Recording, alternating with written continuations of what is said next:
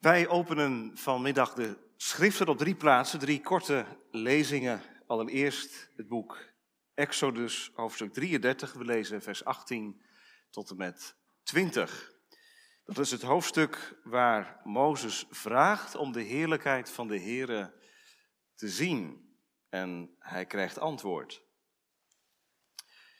Exodus 33, vers 18 tot en met 20. Toen zei Mozes tegen de Heere, toon mij toch uw heerlijkheid.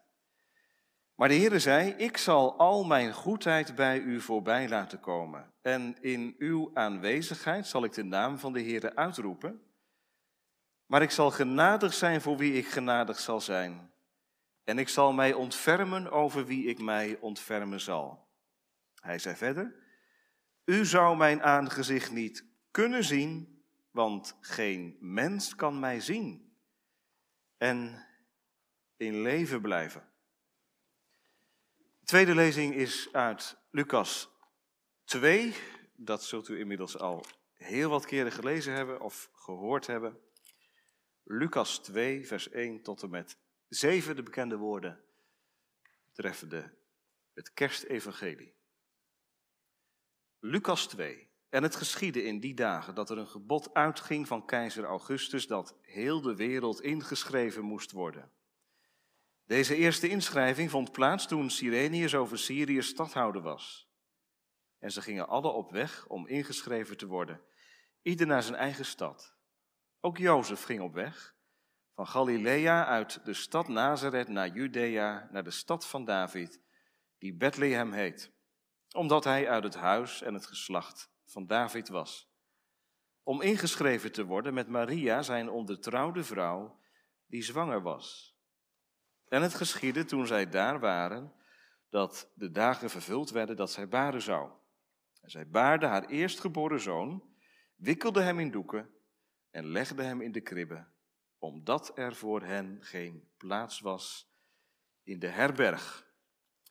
Tot slot het evangelie naar Johannes, het eerste hoofdstuk, de zogenaamde proloog, de laatste versen daarvan, vers 14 tot en met 18. En daar is ook de tekst voor de preek uitgenomen. Johannes 1, vers 14 tot en met 18. En Johannes verwoordt het evangelie van kerst weer op een heel eigen manier. Johannes 1, vers 14. En het woord is vlees geworden en heeft onder ons gewoond. En wij hebben zijn heerlijkheid gezien. Een heerlijkheid als van de enige geborene van de Vader, vol van genade en waarheid. Johannes getuigt van hem en heeft geroepen, hij was het van wie ik zei, hij die na mij komt is voor mij geworden, want hij was er eerder dan ik. En uit zijn volheid hebben wij allen ontvangen en wel genade op genade. Want de wet is door Mozes gegeven, de genade en de waarheid zijn er door Jezus Christus gekomen. Niemand heeft ooit God gezien. De enige geboren zoon, die de schoot van de Vader is, die heeft hem ons verklaard. Tot zover. Die laatste woorden, vers 18, die vormen de tekst voor de verkondiging. Niemand heeft ooit God gezien. De enige geboren zoon die in de schoot van de Vader is, die heeft hem ons verklaard. We staan vanmiddag stil bij kerstfeest van Gods zichtbaarheid. Kerstfeest van Gods zichtbaarheid. De eerste gedachte is, het is onmogelijk. Want we lezen, niemand heeft ooit God gezien. Tweede gedachte, het is toch mogelijk. De enige geboren zoon die in de schoot van de Vader is, die heeft hem ons verklaard. En als je die twee dingen naast elkaar zet, dat het onmogelijk is en dat het toch mogelijk is, staan we in de laatste gedachte stil bij hoe is het mogelijk? Niet te geloven. Toch waar.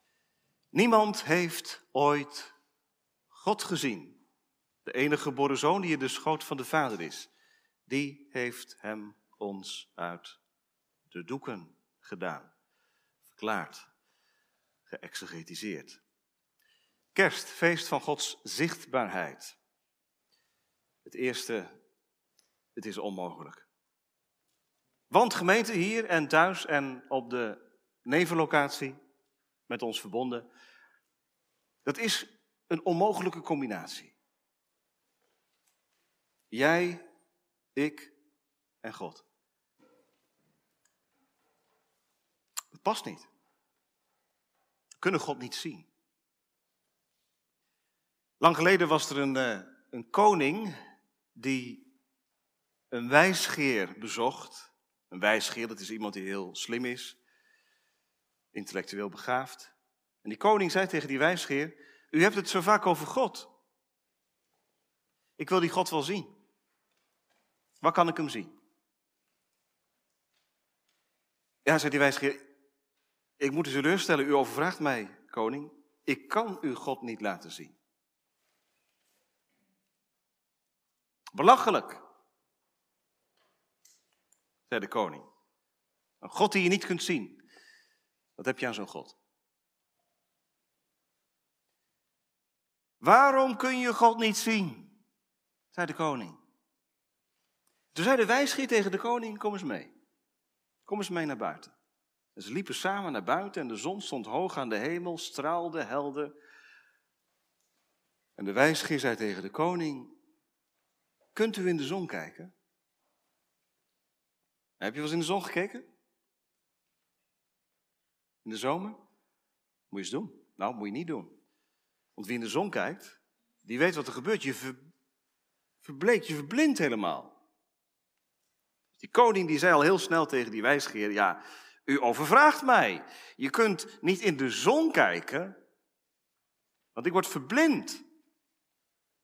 Precies, zei de wijsgeer. U vraagt van mij? Laat mij God zien. Zo min u in de zon kunt kijken, zo min kunt u God zien. God is een, een gloed, een eeuwige gloed. Paulus zal laten schrijven aan Timotheus, God bewoont een ontoegankelijk licht. Je hebt geen directe toegang tot God. Niemand heeft ooit God gezien. Dat is niet zo leuk hè, om te horen op kerst.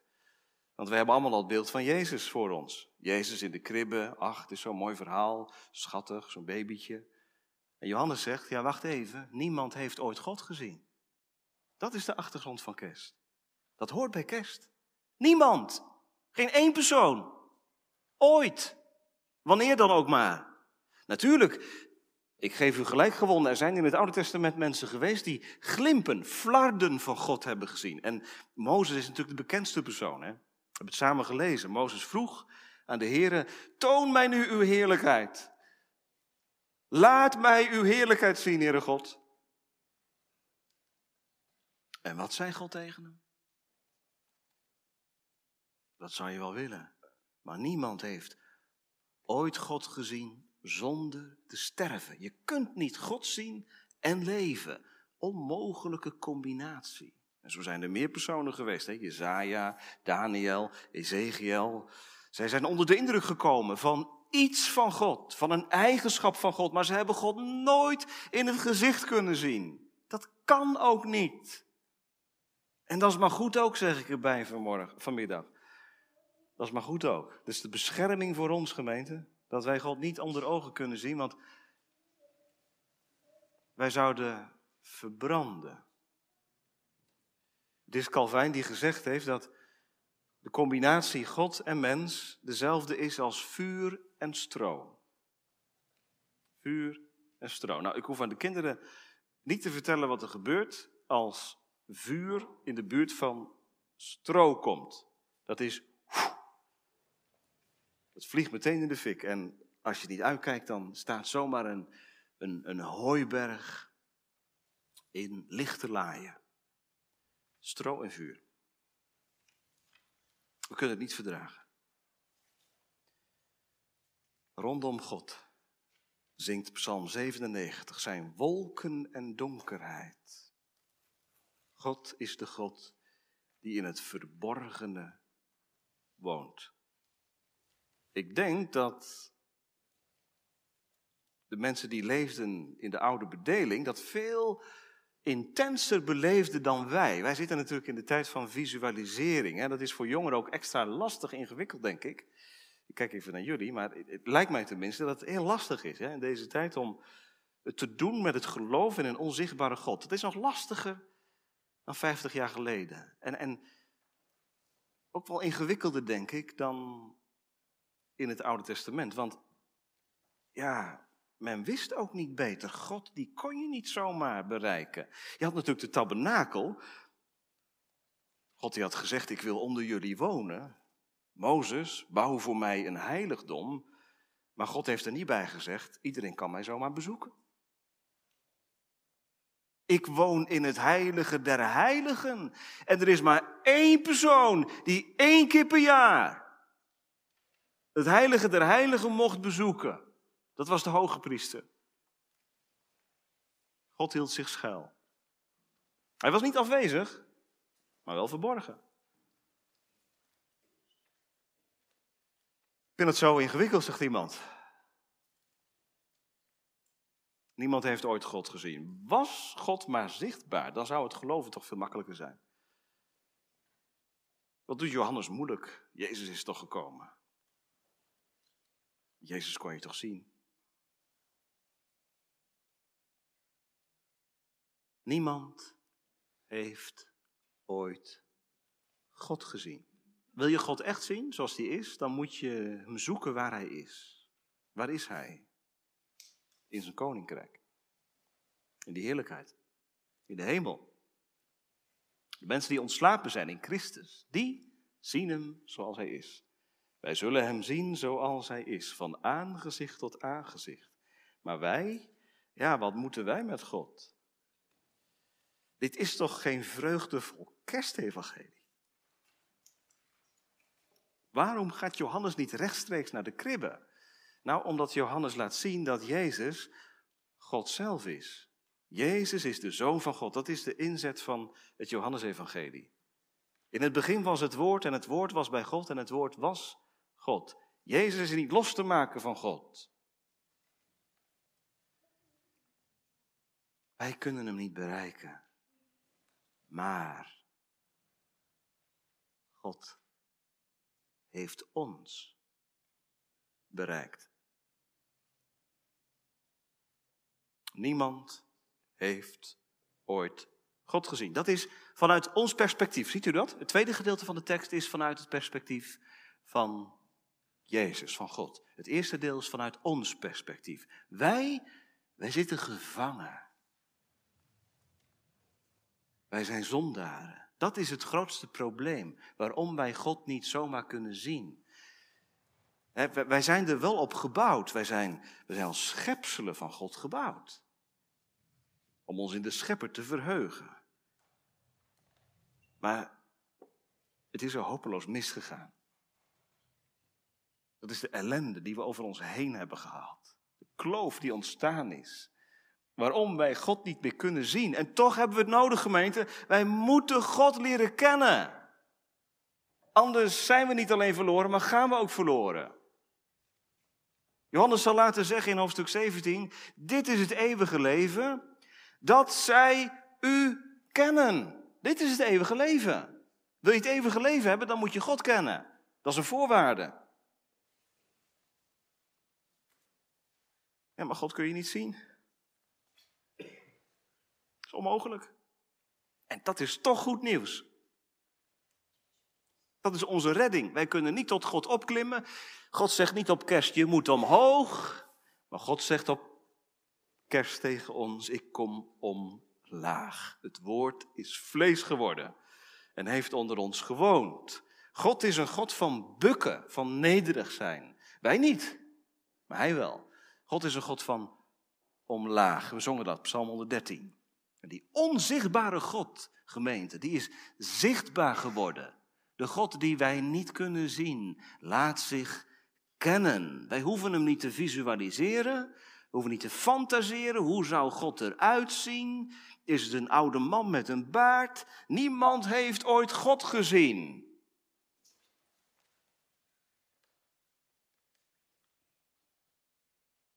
Maar God openbaart zich. Dat is een heel mooi woord, openbaring. God onthult zich. Hoe dan? Als hij dat zou doen in zijn heerlijkheid, zouden we verschroeien. Maar, de tweede gedachte van de preek, het is toch mogelijk. Hoe dan? Lees maar door. Er staat geen punt. Niemand heeft ooit God gezien. Komma.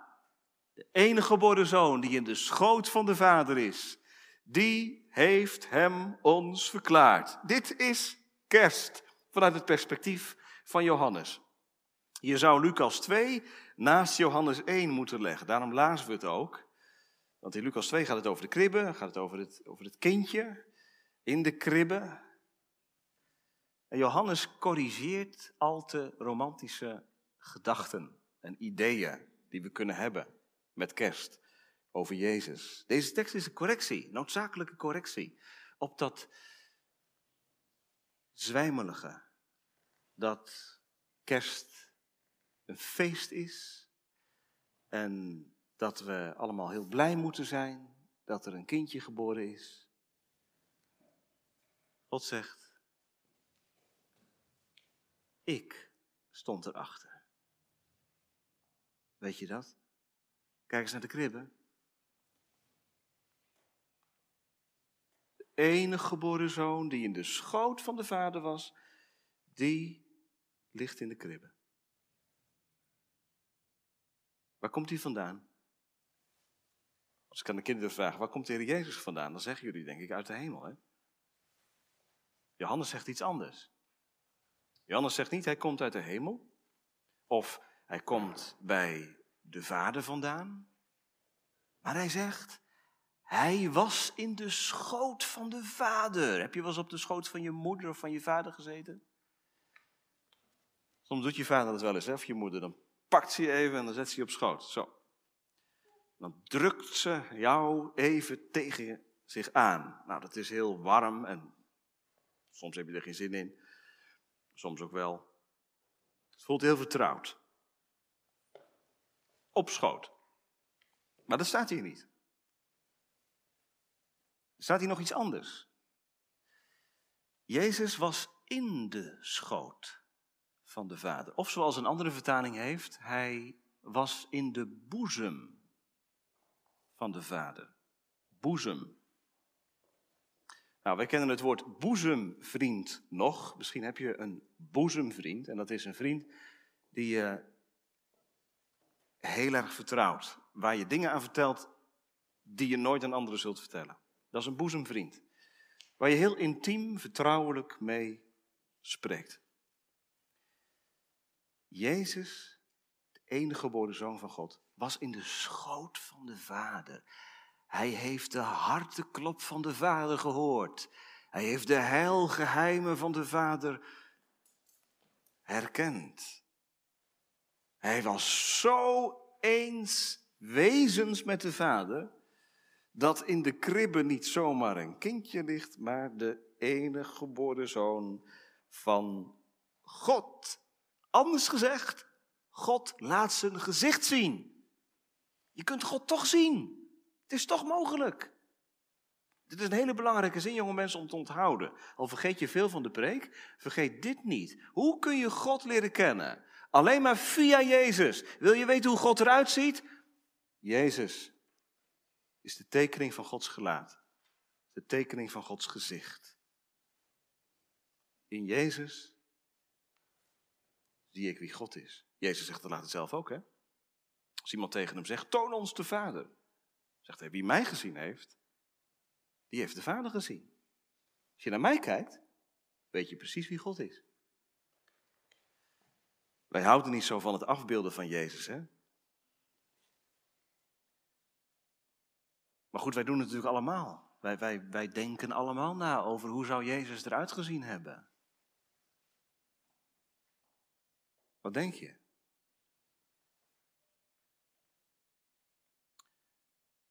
Ik denk dat hij vriendelijke ogen had. Ik weet het wel zeker. Vriendelijke ogen. En milde handen. Daar zingen we ook over, hè? Psalm 25. Ja, dat gaat over God, zegt u. Het gaat over Jezus. De Zoon van God. Jezus is niet anders dan God. Het gaat over het hart van de Vader. In Jezus horen we de harteklop van God. Het is toch niet te geloven, gemeente? Dat het mogelijk is om God te zien. De enige geboren zoon die in de schoot van de Vader is, die is naar ons toegekomen. Ik kom, o God, om uw wil te doen. En toen de vader tegen hem zei, zoon, ga, ging hij. Waarom toch? Ik kan maar één antwoord bedenken, u dan. Er is maar één antwoord mogelijk, omdat God niet wil dat wij verloren gaan. Omdat God uit is op harmonie. Omdat God een, een diepe relatie wil hebben. Omdat God erop uit is dat jij de Heer Jezus leert kennen en in zijn gezicht blikt. We hebben het wel eens over zien op Jezus, hè? Zien op Jezus. Geloven is zien op Jezus. Nou, inderdaad. God kun je niet zien. Maar in de verkondiging van het woord wordt de Heer Jezus getekend als de persoon die gezonden is door de Vader tot het behoud van jou en van mij. En daarom klinkt het vanmiddag, bekeer je. Ach, daar gaan we weer, zegt iemand. Bekering. Zo'n mooi woord. Het is zo'n rijk woord. Dat God tegen jou zegt, bekeer je. Want weet je wat dat betekent? Hij ziet je nek. Hij ziet je rug. Maar hij wil je ogen zien. Hij wil jou in de ogen zien, zodat jij hem in de ogen gaat zien. Bekeer je, dat is een machtig woord. Daar zit het evangelie al in. Dat zegt hij niet tegen mensen die hem aankijken, maar tegen mensen die van hem weglopen. Zo is God. Dat is het evangelie van kerst. Jezus kwam naar mensen die hem niet zagen. Maar hij zag hen wel. God komt helemaal tot ons. Zo is hij. Wat een wonder, God is te kennen.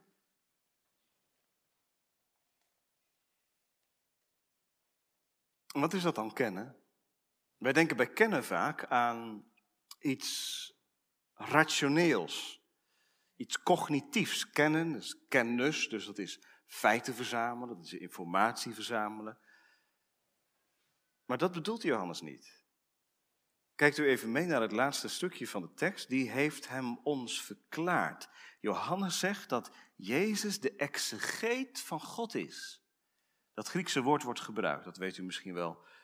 Daarom wordt het ook wel eens vertaald of geparafraseerd met hij heeft de Vader geëxegetiseerd, uitgelegd. Maar ja, bij zo'n woord kun je toch al heel snel denken, ja, dat is allemaal informatie, dat is allemaal, zoals hè, een dominee die, die legt een tekst uit. Nou, dan kun je zeggen, ja, mooi, mooie uitleg. Nooit gehoord. Prachtig. Ja, dat is natuurlijk geen preek. Preek is niet alleen informatie doorgeven. Dit betekent het.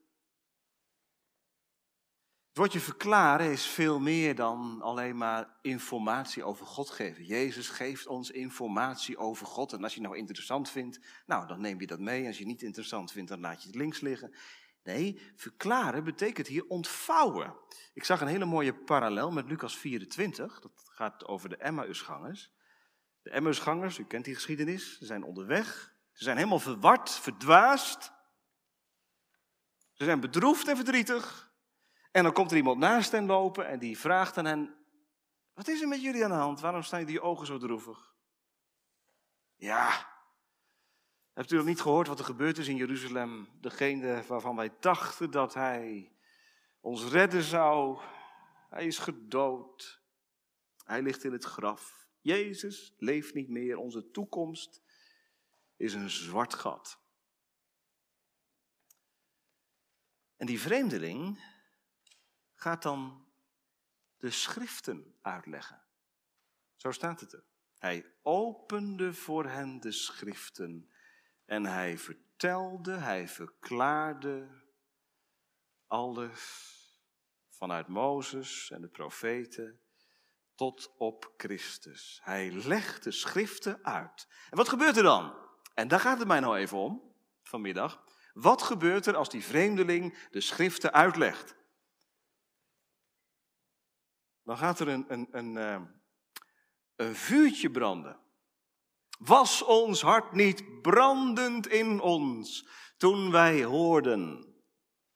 Kijk, dat gebeurt er als de schriften uitgelegd worden. Als Jezus God verklaart, dan raak je in vuur en vlam. Zo gaat dat op kerst. Dat is wat er gebeurt als je God, laat, als je God leert kennen.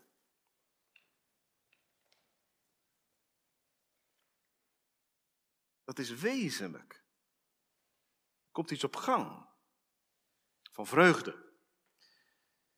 Daarom zegt de engel ook, zie ik verkondig uw grote blijdschap. Hij zegt niet, nou ik heb u wat informatie mee te delen. U kunt een kind vinden, is in Bethlehem te vinden, in de kribbe enzovoort enzovoort. Ik verkondig uw grote blijdschap. God laat zich kennen. God is de God van omlaag. Hij laat zijn gezicht zien. Heb je al in zijn ogen gekeken? Heb je de Heer Jezus leren kennen? Het allemaal heel moeilijk, zegt iemand. God leren kennen. Hoe komt dat dat ik God nog niet ken dan?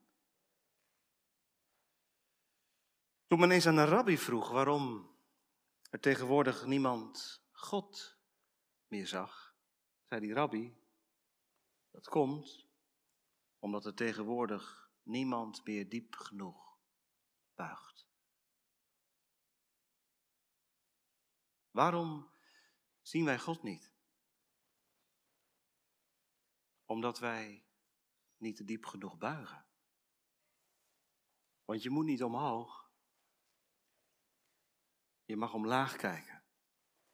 God kwam omlaag. Die in onze lage stand ons genadig bood zijn hand. Dat doet hij. Dat is het evangelie. Hier, mijn hand, drenkeling. Klamp je vast aan dit woord. Ik ben voor jou gekomen. Ik verkondig je grote blijdschap. Geldt het ook voor mij, zegt iemand? Je moet toch weten of je uitverkoren bent? Jij hoeft niet te graven in de verborgen raad van God. Je mag het doen met de geopenbaarde dingen van de Heer. De geopenbaarde dingen van de Heer, dat is dit. Dat Jezus, de enige geboren zoon van God, God aan ons verklaart. Dat doet hij nu. God legt als het ware zijn hart op tafel in de verkondiging van het woord. En hij zegt, heb je kerst gevierd? Je de kerstvreugde ontvangen? Moet niet klimmen. Moet je omlaag kijken. Wat is dat dan, omlaag kijken? En wat gebeurt er dan als je omlaag kijkt? Nou, dat is de laatste gedachte. Hoe is het mogelijk? En u hoort daarin iets van verwondering, van verbazing. Dat is de reactie van iedereen die de stal binnenkwam 2000 jaar geleden. Of het nu de herders waren, of de wijzen, of het nu de intelligentia van die tijd was, of de, uh, de onderlaag zeg maar, van de samenleving. Alle lagen van de samenleving verbazen zich over het kind in de kribbe. De herders prijzen en loven God als ze naar huis gaan. Hoe is het mogelijk? Dat is het kerstevangelie. Ja, het is een mooi verhaal. Nee, het is geen mooi verhaal. Vergeet het maar. Het kerstevangelie is geen mooi verhaal, het is een schandalig verhaal. Het is dominee Buskus geweest die 50 jaar geleden een hele treffende uitspraak deed over kerst. Hij zei, wij vinden het kerstevangelie te mooi om waar te zijn. Het is te mooi om waar te zijn. Daarom geloven wij het wel. Maar wij vergissen ons. Kerstevangelie is niet te mooi om waar te zijn. Het is te waar om mooi te zijn. En daarom geloven wij het niet. Dat is pijnlijk. Het is te waar om mooi te zijn. Het is geen mooi verhaal. Het is een waar verhaal, maar het klaagt mij aan. God moest omlaag komen. God moest zich buigen. En ik, ik wilde niet. Dat heb ik toe te geven. Gewoon ruiterlijk te erkennen. Eerlijk en oprecht. Dat u, Heere God, voor mij door de knieën gaat, terwijl ik vier rechtop blijf staan. Dat is de omgekeerde wereld, maar God had het ervoor over. Ik niet. Nou, als je dat gaat zien, dan gebeurt er wat in je leven. Wat gebeurt er dan?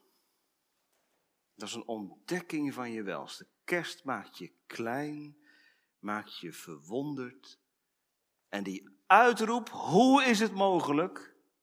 Dat is niet iets wat je achter je laat, maar wat je steeds intenser en heerlijker beleeft.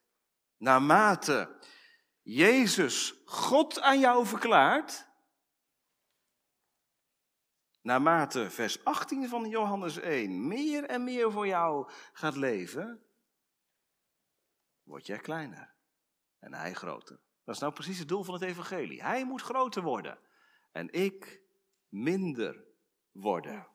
Gods vriendelijk aangezicht heeft vrolijkheid en licht voor alle oprechte harten. Wat een diepe tinteling van vreugde zit er in die woorden. Misschien heeft Johannes het wel met diepe vreugde ook geschreven.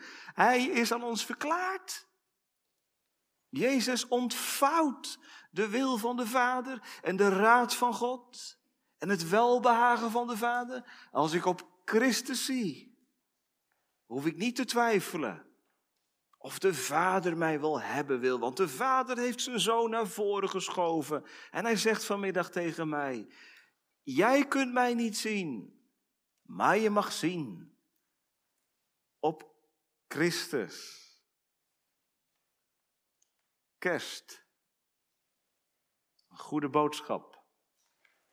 Vooral een goede boodschap, omdat wij horen dat God zo goed is en zo genadig. Nou, dat heeft impact op je leven, dat kan niet anders. Je, dit zuivert je denken. Zo'n tekst. Kan dat samengaan met dat bedweterige, dat streberige van mij, altijd maar meer, altijd maar groter en, en mooier en proberen boven de ander uit te komen? Dit is zo'n heftige tekst voor mensen die leven in een prestatiemaatschappij. Dat streverige van mij, dat gaat sterven. Dat sterft. God kwam omlaag. En ik werk mij omhoog, soms ten koste van anderen. Ik bedoel dat niet vroom hoor, maar, maar je gaat sterven. En sterven, met sterven bedoel ik niet dat je een heel zielig figuur wordt of zo. Je kunt een topinkomen hebben, je kunt een geweldige baan hebben, je kunt directeur zijn van een groot bedrijf. Is allemaal mogelijk, allemaal prima. Maar je bent van een harde man die gaat voor de eer en voor de winst, als het nodig is ten koste van anderen. Een zacht, moedig mens geworden. Althans, je begint het te worden. Want het evangelie van kerst, dat zet ons niet in de stijgers en in de, in de, in de schijnwerpers. Het evangelie van kerst zet Jezus centraal. En je leven gaat om hem cirkelen, je opvoeding, je gezinsleven, je uitgavenpatroon. Je hebt het met elkaar over. Wat, wat is nou de impact van kerst op ons leven? Kunnen wij dan gewoon maar leven zoals we altijd geleefd hebben? Ik las hele mooie dingen bij Augustinus, die veel preken over Johannes 1 heeft gehouden. Augustinus zegt, weet je waarom wij God niet kunnen zien? Omdat het leven een heilig verlangen is. Wij kunnen God niet zien, omdat God ons wil laten verlangen naar de dag waarop we Hem kunnen zien. Er staat nog iets uit, er is nog een tegoed. Jezus verklaart ons God. Maar straks zullen we Hem zien zoals Hij is. Oh, wat zal dat zijn? Hem zien zoals Hij is, van aangezicht tot aangezicht. Dat is het tegoed. En nu al verheug je je met een onuitsprekelijke vreugde, zegt Petrus. In Hem, hoewel je Hem niet ziet. God, gemeente, is een doolhof. Je loopt erop stuk. Maar God in Christus is een bron van helderheid en zuiverheid. Hoe is het mogelijk? Loop je daar ook tegenaan rond de kerstdagen? Hoe moet je nou woorden geven aan dat gevoel van verwondering wat je kan overweldigen als je het kerstevangelie leest, als je kerstliederen zingt? Dat je zegt, hoe is het mogelijk dat God naar mij omziet? Ik, ik kan daar gewoon niet, niet bij. Ik denk dat je dan het beste kunt gaan zingen. Dat deed Simeon ook, hè? Simeon, die de Jezus in zijn handen had. Wat zegt hij? Ik heb Jezus gezien. Nee, Simeon zegt, zingt, ik heb Gods zaligheid gezien. Met eigen ogen. God in de ogen gezien. Ik heb Jezus omhelst. Zo gaat dat. Bij jou, bij mij en bij u. Als je dat goede van God ontvangt, de genade van Christus, jouw deel wordt, dan legt God je een nieuw lied op de lippen. Een lofzang voor onze God. Niet omdat je het begrijpt, maar omdat je het niet meer begrijpt. En alleen maar verbaasd van verwondering bent dat Hij naar jou omzag. Al zo lief heeft God de wereld, nee, mij gehad, dat Hij zijn enige geboren zoon gegeven heeft, opdat ieder die in Hem gelooft niet verloren gaat, maar eeuwig leven heeft. Hoe is het mogelijk. Amen.